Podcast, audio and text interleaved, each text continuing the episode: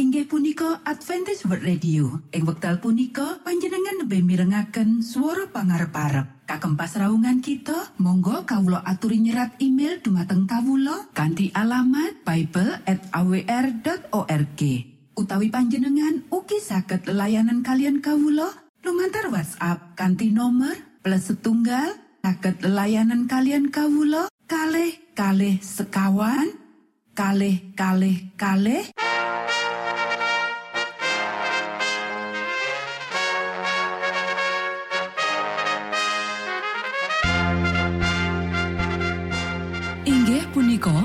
Adventis World Radio ingkang giaran kanti basa Jawi. Tentrem Rahayu Kulo aturaken kagem poro Mitra kinasih ing pundi papan lan panggonan. Sugeng pepanggian malih kalian Adventis World Radio. Kanti bingahing manah Kulo badi sesarengan kalian poro Mitra kinasih lumantar saperangan adicara ingkang sampun rinonci mligi kagem panjenengan sami. Mugi giaran punika saged migunani tuen dados berkah kagem kita sedaya. Sugeng midhangetaken Gusti amberkahi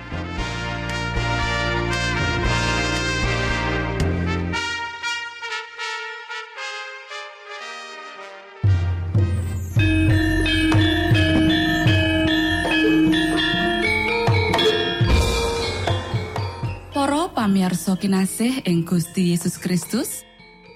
Ing wekdal punika kita badi sesarengan ing adicara ruang kesehatan. Ingkang saestu migunani kagem panjenengan soho kita sami. Tips utawi pitedah ingkang dipun aturaken ing program punika tetales dawuhipun Gusti ingkang dipunnyatakaken ing kitab suci. Semantan ugi sakehing seratan ingkang dipun wangsitaken dening Gusti Allah.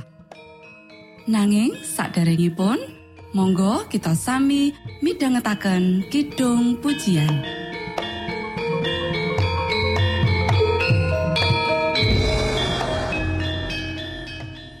Monggo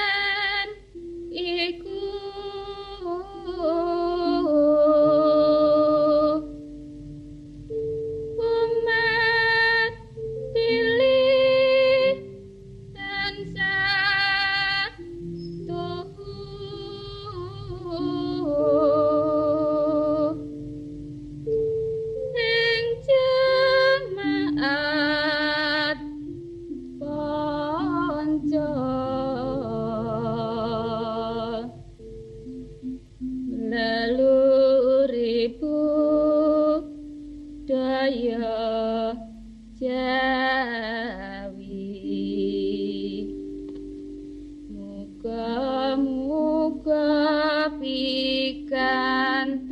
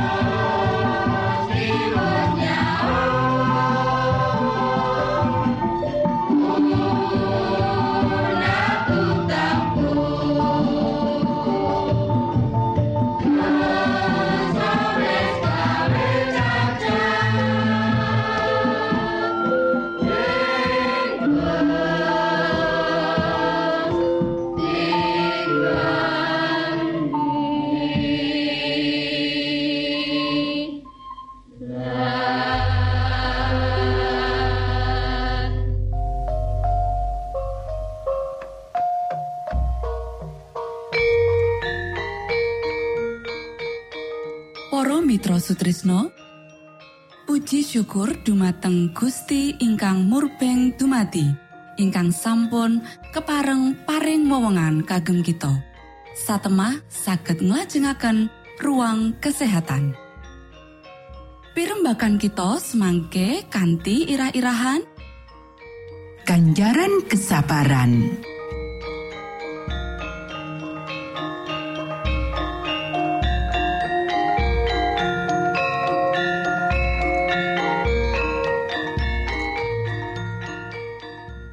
Dumateng para pamiarsa ingkang dahat kinormatan, sugeng pepanggihan malih kalian kula Isti Kurnaidi ing adicara ruang kesehatan.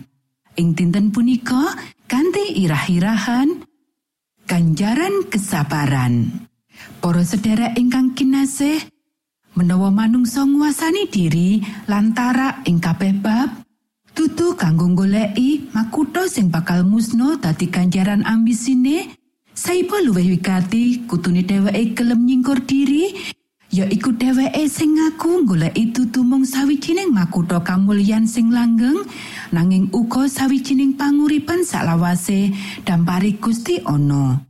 lan kasugihan sing langgeng ganjaran sing ora bakal musno yaiku sawijining kamulyan gedhe sing langgeng Apa tutu wong-wong sing mlayu ing sakjroning pambalapan Kristen kapucuk nyingkur diri lan tarak sakjroning kabeh bab supaya dheweke bisa ngendhaleni sifat-sifat kewan ngimresake sakjroning badan lan ngendhaleni selera kanggo nepsu daging banjur dheweke dadi pewaris sakjroning sifat ilahi sawise metu saka piala lan nepsu donya. Para sederek, wong-wong sing biasakake diri mangan panganan sing mewah lan ngerangsang, duweni selera sing ora alamiah, nganti dheweke ora bisa nikmati panganan bergizi sing prasaja. Kanggo mulihake selera iku dadi alamiah, dheweke perlu wektu amarga weteng kutu mari saka kasangsaran amarga panyalahgunaane. Nanging dheweke sing sabar mangan panganan sehat bakal ngrasakake kenikmatan panganan iku sakwise semono lawase. Rasa panganan sing enak iku bakal diajeni. Panganan iku dipangan kanthi ati sing seneng, luwih katimbang panganan enak sing ora nyehatake. Saiki weteng iku bisa nindakake tugase kanthi becik sakjroning kahanan sehat amarga ora dipoti maneh utawa dirangsang. Para sederek, reformasi sakjroning bab mangan bakal nyelametake duit lan tenaga. Kebutuhan keluarga bisa luwih gampang diisi kanggo sawijining sing maremake kaya panganan sing nyehatake lan prasaja. Panganan mewah bakal ngrusak organ badan lan pikiran. Perlu kita gatekake menawa ora perlu ana gumunggung ing bidang ngendi wae. Kita kudu rumangsa marem karo panganan prasaja sing murni lan dicawisake kanthi cara prasaja. Kaya ngene iki, mestine menu panganan golongan wong dhuwur lan golongan asor. Bahan-bahan perangsang kudu diendani. Kita wis nyawisake diri kanggo panguripan kekal ing sakjroning kraton swarga. Kita ngarep-arep bisa nindakake pakaryan kita ing sakngisore sinar pepadang lan ing sangisore toya marasake kang agung lan kuwasa. Saben wong kudu nindakake bagian pangorbanan diri. Akeh wong sing takon marang aku, tindakan opo sing bakal tak tindakake kanggo ngrumat kesehatan? Wangsulanku ya iku mandeka nglanggar angger-angger fisik, mandeka marmake selera sing salah, mangano panganan sing prasaja, nganggo sandangan sing nyihatake sing nuntut kaprasajan nyambut gawe kanthi cara sehat. Satemah koe ora bakal tumipo ing leloro. Matur nuwun Gusti amberkahi.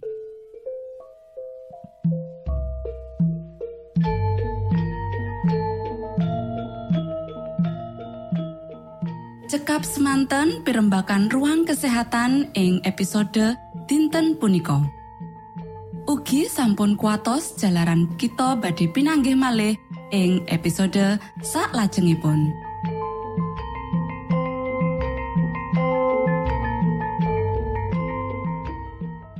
Inggih punika adicara ruang kesehatan.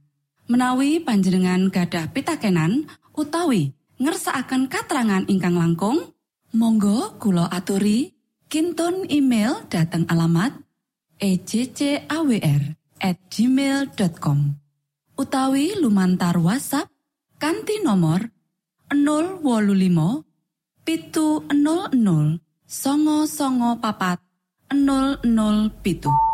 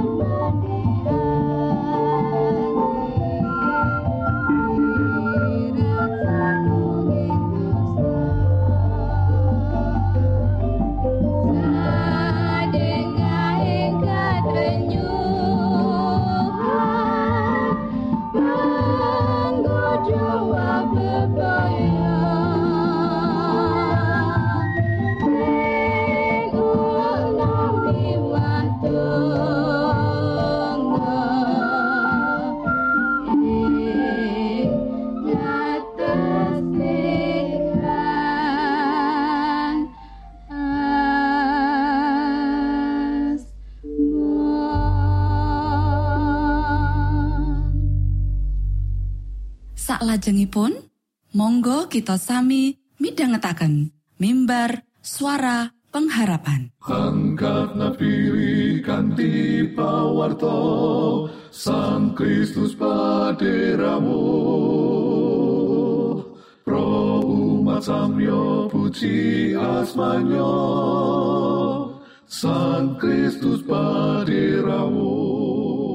Inggih punika mimbar suara pengharapan ing episode punika kanthi irah-irahan Rasul Paulus lan Allah kang ora dikenal. sugeng tondo Sang Kristus paderamu ilmu kawero tambah tambah Sang Kristus paderamu paderamu paderamu Sang Kristus paderamu Shalom para pamirsa ingkang kinasih wonten ing Gusti. Sakmenika kita badhe mitangetaken renungan Sabda pangantikanipun Gusti. Ing dinten punika kanthi irah-irahan Rasul Paulus lan Allah kang ora dikenal. Para sedherek ingkang kinasih, kita ngatekake menawa Rasul Paulus orang ngremehake agama utawa para panembah brahala kang palsu saka wong Athena iki. Panjenengane nglumpukake kapecikan apa kang bisa katemokake senadyan sedidik lan gunakake kabeh iku. Ayo kita waca lelakoni para rasul pasal pitulas ayat lorikur lan telulikur. Rasul Paulus banjur jumeneng ana ing Areopagus lan ngendika. Para sedherek ing Athena, kula sumerep bilih panjenengan sadaya punika tumrap ing samukawis punapa kemawon sakalangkung bekti dhateng para dewa. Amargi nalika kula miter-miter wonten ing kitha panjenengan saha ningal-ningali barang-barang ingkang panjenengan pundi-pundi, kula inggih nrenjuhi misbiah ingkang kaseratan makaten. Konjo ing tewa ingkang boten kasumerepan. Wontene ingkang sami panjenengan sembah-sembah, sanadyan panjenengan tereng tepang punika, inggih punika ingkang badhe kula wartosaken. Para sederek, Rasul Paulus nembe ngelem wong-wong kafir iki. Agamane padha nyimpang ing samubarang, nanging Rasul Paulus ngelem pambangun turute wong-wong iku marang agamane. Awit, pambangun turut marang karohanen, senatian wis nyimpang, isih luwih layak kanggo dialembono, tinimbang kang ora peduli bab karohanen babar pisan. Ing lelakone para rasul pasal pitulas ayat telulikur, Rasul Paulus nerusake pangantikane. Amargi nalika kula miter-miter wonten ing kutha panjenengan, saha ningal-ningali barang-barang ingkang panjenengan pundi-pundi. Kanthi nggambarake apa kang Rasul Paulus pirsani, saha ukemane lan agamane wong Athena iki, Rasul Paulus nunjukake rasa ngajeni marang wong-wong iku. Panjenengane ora kesusu ngenalake lan ngaku dadi sawijining wong kang ahli kanthi sekabehe wangsulan bab piye wong-wong iku kudu malih. Panjen ing kasunyatane panjenengane sawijining wong kang ahli lan duweni wangsulan kang dibutuhake dening wong-wong iki. Nanging panjenengane ora ngatonake awake dhewe yen ora panjenengane bakal langsung katampik. Kosak wangsule panjenengane katon dadi wong kang peduli marang wong-wong iki lan ngarepake kapecikane wong-wong iki. Ngomentari tulisan kang unine konjo marang dewa kang boten kasumerepan. Rasul Paulus njupuk kauntungan saka sing katon minangka bab kang umum. Wong-wong iki percaya marang Allah kang akeh cacahe ing wektu iku. Bab iki minangka wiwitan kang apik lan buka dalan kanggo rembukan kang luwih jero. Rasul Paulus ora nate ngino gagasan kang ora apik saka sawijining mesbiah kanggo Allah kang ora dikenal. Kosok balene panjenengane ngajeni lan ngurmati wong-wong sing cukup peduli babagan perkara-perkara rohani supaya ora kelangan opo-opo. Wong-wong iku ngupayakake nganti rekoso lan ngetokake wragat kanggo panembahan tumrap samubarang kang ora dikenal. Para sederek, apa wong-wong iki kesasar? Sak mestine wae iya, nanging kuwi bisa ditangani. Bab kang wigati ing bagian wiwitan iki ya iku wong-wong iki jroning apa kang dheweke bener-bener mangerteni. Rasul Paulus nemokake yen iki sejatine perangan ing ngendi Sang Roh Suci bisa makarya. Rasul Paulus uga nemokake sawijining punji rembukan kang bakal nggugah minate wong-wong iki. Monggo kita sami ndedonga. Duh Rama kawula ingkang wonten ing swarga, asma patuko mugi kasucikaken. Kraton patuko mugi rawuh. Karso patuko mugi kalampahan wonten ing bumi kados dene wonten ing swarga. Kawula mugi kaparingan rejeki kawula sak cekapipun ing dinten punika. Saha patuko mugi ngapunten kalepatan kawula kados dene kawula inggih ngapunteni tetiang ingkang kalepatan dhateng kawula. Punapa dene kawula mugi sampun ngantos katantukaken dhateng ing panggoda nanging mugi sami patuko uwalaken saking piawon. Awit dene patuko ingkang kagungan kraton saha wisesa tuen kamulyan salami laminipun. Amin.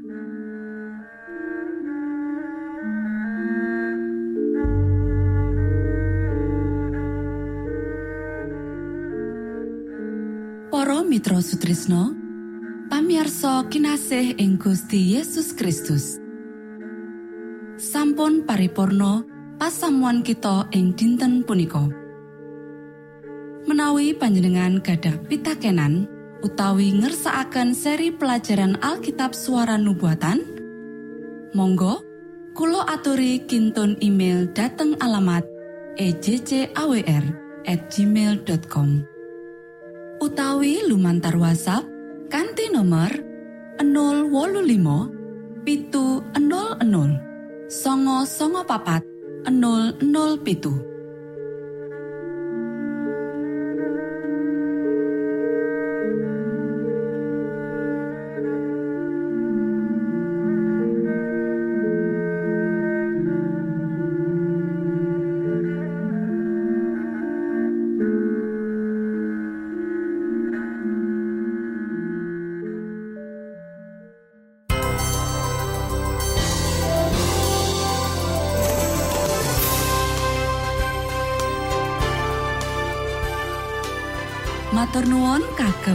wektalipun kita badhe pinanggih malih ing gelombang ugi wekdal ingkang sami. Saking studio kula ngaturaken tentrem rahayu. Gusti amberkahi kita sedaya. Maranata.